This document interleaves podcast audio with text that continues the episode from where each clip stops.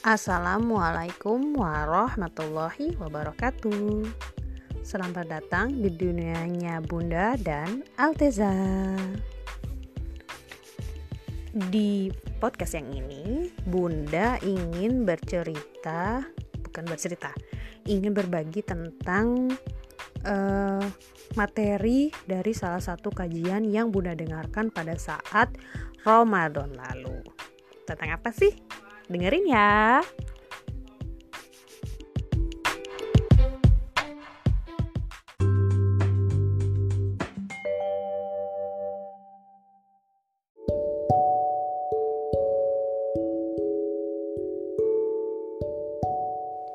Ya, jadi sekarang mau berbagi tentang uh, isi kajian yang Bunda dengarkan pada saat uh, Ramadan lalu yang dibawakan oleh Ustazah Elina Supendi.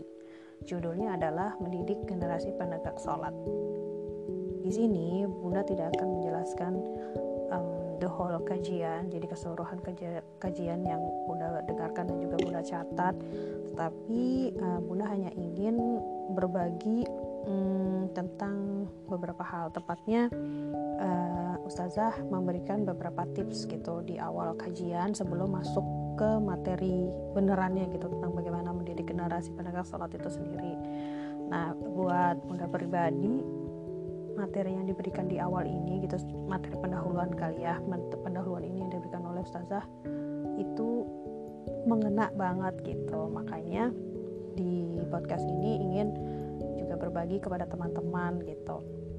Siapa tahu juga bisa bermanfaat dan juga untuk ke depannya misalnya Bunda lupa atau terus uh, lagi mendengarkan uh, rekaman podcast-podcast yang ada di sini itu bisa juga jadi pengingat kembali. Nah, Bismillahirrahmanirrahim. Jadi Ustazah itu memberikan beberapa tips um, atau di sini Bunda menulis tentang kunci mendidik anak.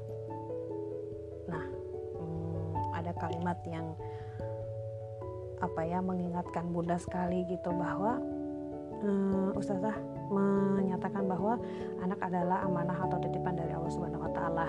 Nah, tapi kita sebagai orang tua ini kita nggak tahu apakah anak ini memang beneran menjadi hanya sebagai amanah saja ataukah juga merupakan sebuah ujian buat kita sebagai orang tua gitu. Nah, kemudian e, pernyataan yang kedua yang juga mengena adalah bahwa kita sebagai orang tua, nah khususnya di sini karena kajiannya waktu itu hanya untuk ibu-ibu itu jadi seorang ibu itu tidak bisa memilih anaknya gitu. Dan sebaliknya pun anak ini tidak bisa memilih mendapatkan seorang ibu yang seperti apa. Atau seorang ayah seperti apa gitu ya orang tuanya seperti apa. Nah bagaimana dong kita sebagai ibu gitu kan khususnya menyikapi seperti ini? Nah kalau menurut ustazah kembalikan lagi gitu. Niatkan segala sesuatunya karena Allah uh, subhanahu wa taala gitu. Um, mungkin um, pernah ada yang mendengar gitu ada yang tahu gitu hadis arba'in yang pertama inamal amalu biniati gitu. Jadi uh, apa yang melakukan segala sesuatunya itu uh, karena niat uh, gimana ya sebentar. Kalimatnya nggak kayak gitu. Nah supaya lebih jelas kalimatnya itu adalah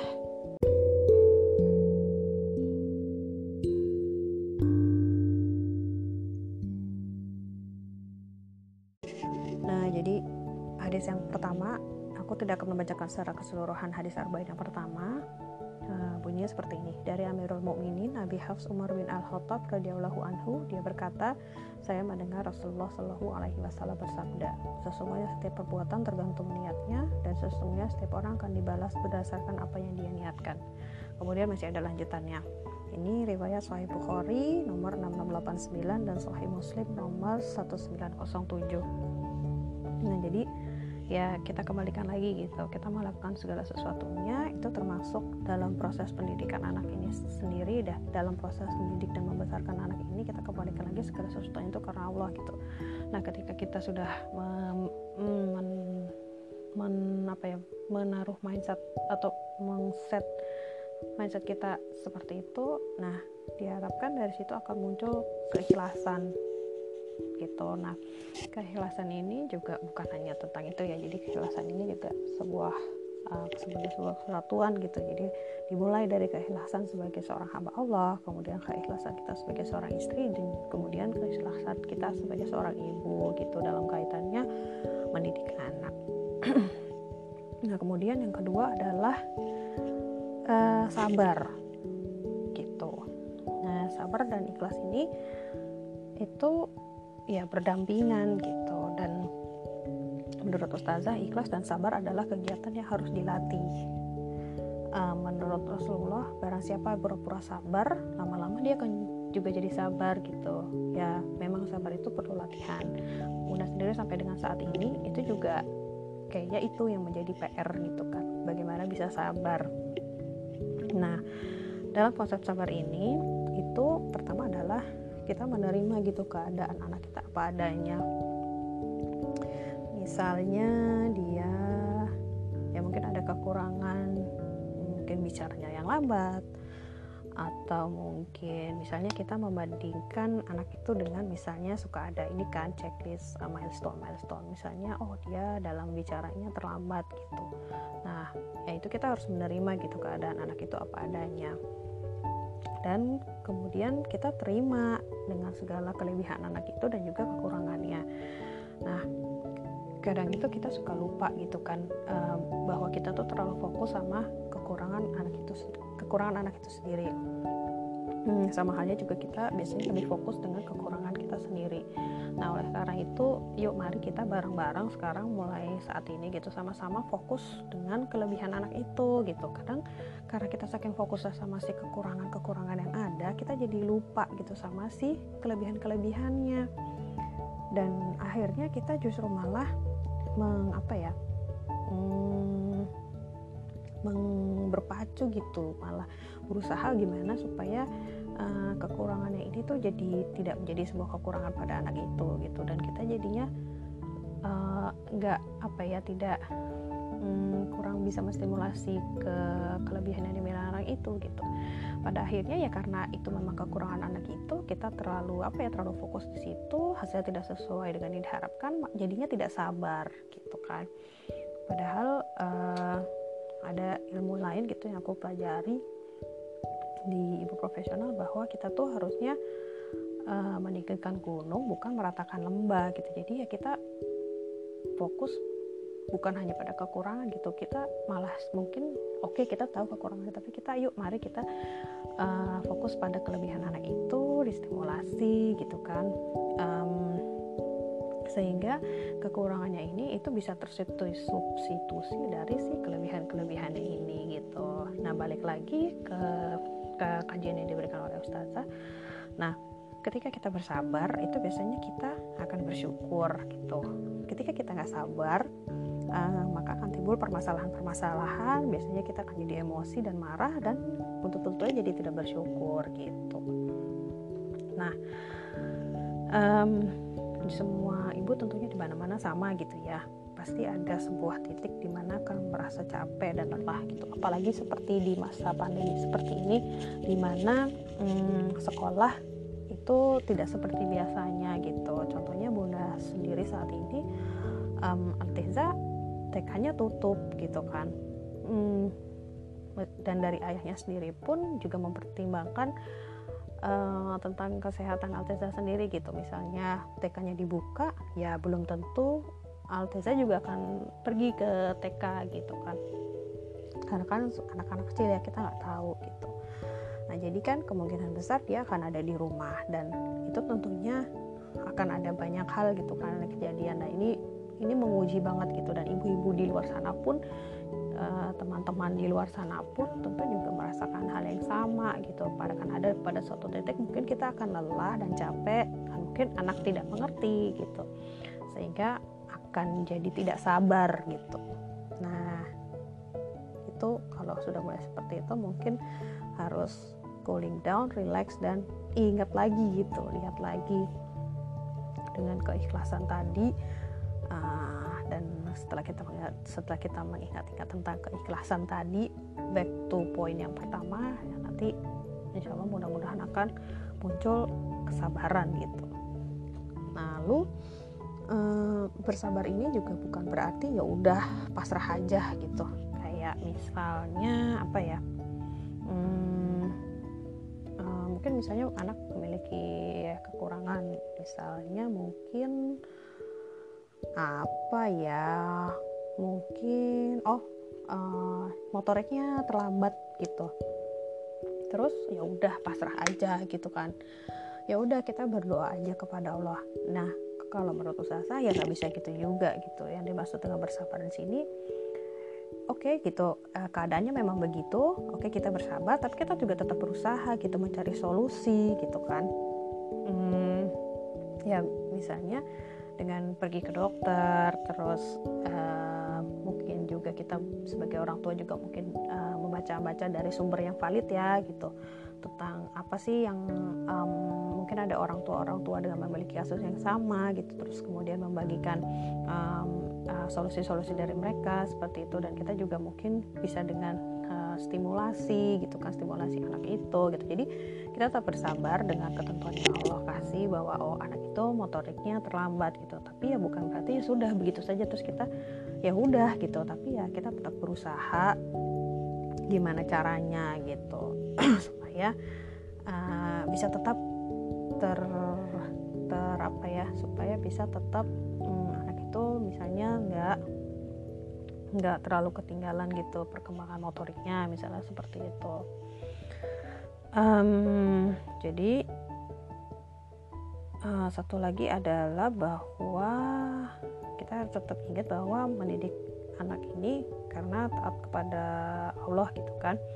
Karena memang anak itu amanah dari Allah dan ya kita harus mendidik anak ini gitu untuk mencapai di tujuan akhir. Tentunya setiap orang tua tentu memiliki tujuan akhir yang mungkin bisa dibilang sama gitu ya. Maksudnya ya supaya anak itu menjadi anak yang solid terus kemudian dia bisa menjadi muslim yang baik dan ya bersama-sama kita sebagai satu keluarga bisa masuk ke surganya gitu kan. Nah tentunya proses uh, apa ya tentunya untuk mencapai tujuan seperti itu tentu juga tidak mudah gitu. Nah di sini tuh yang dinilai uh, di kajian ini itu diberi tahu gitu ya Ustazah mengatakan bahwa sebenarnya yang dinilai itu bukan nanti di terakhirnya gitu. Dan uh, yang dinilai itu adalah bagaimana sih kita sebagai orang tua itu mendidik si anak ini gitu dari ketika dia lahir gitu atau mungkin bahkan ketika dia dari dalam perut kita sampai dia lahir terus dia uh, bayi kemudian jadi dia jadi balita dan seterusnya itu sehingga dia bisa sehingga dia bisa nanti bisa menjadi seorang yang solih gitu. Nah yang dilihat itu adalah si prosesnya itu sudah sebanyak apa sejauh mana yang kita lakukan sebagai seorang ibu gitu. Oleh karena itu yuk kita uh, perbanyak uh, berbanyak hal-hal gitu banyak, uh, melakukan banyak hal sehingga proses dalam mendidik anak ini tuh bisa menjadi maksimal bisa menjadi nilai ibadah untuk kitanya juga. Nah kemudian yang ketiga adalah um, doa.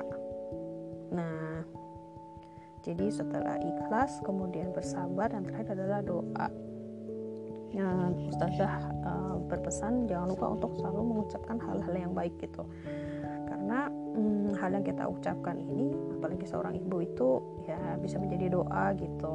Hati-hati kalimat uh, yang diucapkan baik yang beneran langsung diucapkan melalui mulut kita atau yang yang kita batinkan di dalam hati gitu. Karena kalimat-kalimat um, ini yaitu tadi kalau misalnya diaminkan ada yang mengaminkan itu bisa menjadi sebuah doa oleh karena itu hmm, sekali lagi mari kita bersama-sama untuk selalu mengucapkan hal-hal yang baik untuk anak kita dan juga membantikan hal-hal yang baik.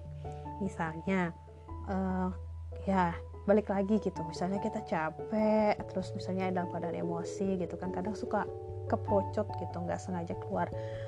Langsung buru-buru gitu langsung um, beristighfar minta ampun sama Allah gitu. Supaya apa yang keluar dari mulut kita tadi itu tidak dijadikan doa nah terus uh, Ustazah juga ada cerita-cerita gitu bahwa bisa jadi uh, beliau yang saat ini itu bukan karena beliau sendiri gitu tapi bisa juga menjadi uh, sebuah apa ya bisa juga karena merupakan sebuah hasil dari doa orang tuanya gitu. Nah, begitupun juga kita gitu. Bisa jadi kita di saat ini misalnya keberhasilan kita di saat ini itu merupakan uh, buah dari doa-doa orang tua kita. Ataupun misalnya ada kejadian-kejadian apa yang terjadi pada kita saat ini bisa jadi mungkin uh, orang tua kita mungkin nggak sengaja mengucapkan sesuatu atau mematikan sesuatu gitu. Nah misalnya uh, ada sesuatu hal yang tidak baik itu misalnya pada kita yang terjadi gitu ya mungkin kita bisa ingat-ingat gitu pernahkah mungkin kita ada masalah dengan orang tua atau misalnya ada sesuatu hal terus uh, ibu kita mungkin mengucapkan sesuatu gitu. Kalau misalnya pas mungkin ada segera ke orang tua kita gitu atau misalnya kepada ibu kita terus ya langsung minta maaf gitu sama beliau dan minta supaya beliau pun uh, apa ya menarik kalimat-kalimatnya tersebut gitu. Hmm, terus apa lagi ya? Oh ya hmm, jangan putus untuk berdoa. Terus saya bilang jangan putus untuk berdoa doakan apa saja yang baik-baik gitu. Uh, doakan ketika anak itu sedang tidur doakan um, ya kapan saja kapan pun di mana pun gitu. Uh, selama masih bisa mendoakan anak kita doakan. Nah salah satunya tuh Ustazah mencatatkan uh, mencontohkan ada doa menjauhkan diri dari zina gitu beliau uh, membacakan doa ini itu di dada anaknya ketika tidur uh, Allahumma fir zanbahu atau Allahumma fir zanbaha wa tohir kolbahu atau wa tohir kolbaha wa hasin farjahu atau wa hasin farjaha yang artinya Ya Allah, ampunkan dosanya, sucikanlah hatinya dari memberikan suatu maksiat dan jagalah kemaluannya dari melakukan zina. Gitu. Nah, hanya itu saja sih. Um, apa namanya hmm, tips yang diberikan oleh ustazah. Jadi ada tiga ikhlas sabar sama doa. Ikhlas sabar dan doa. Nah ini untuk bunda pribadi juga masih um, PR ya gitu. Masih belajar juga untuk bisa konsisten ikhlas dan bersabar karena tentunya yang namanya manusia tidak luput dari uh, alpa gitu ya tidak luput dari lupa. Cuman ya bagaimana supaya kita bisa tetap belajar dan berusaha menjadi lebih baik terus. Baik dari ke hari dari ke waktu-waktu dari setiap detiknya.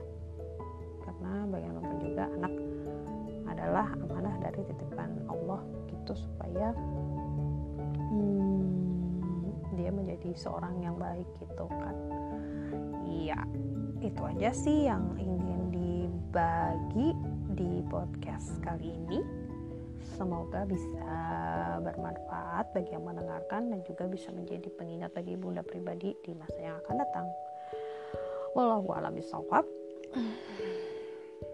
Alhamdulillahirrahmanirrahim. Astagfirullahaladzim.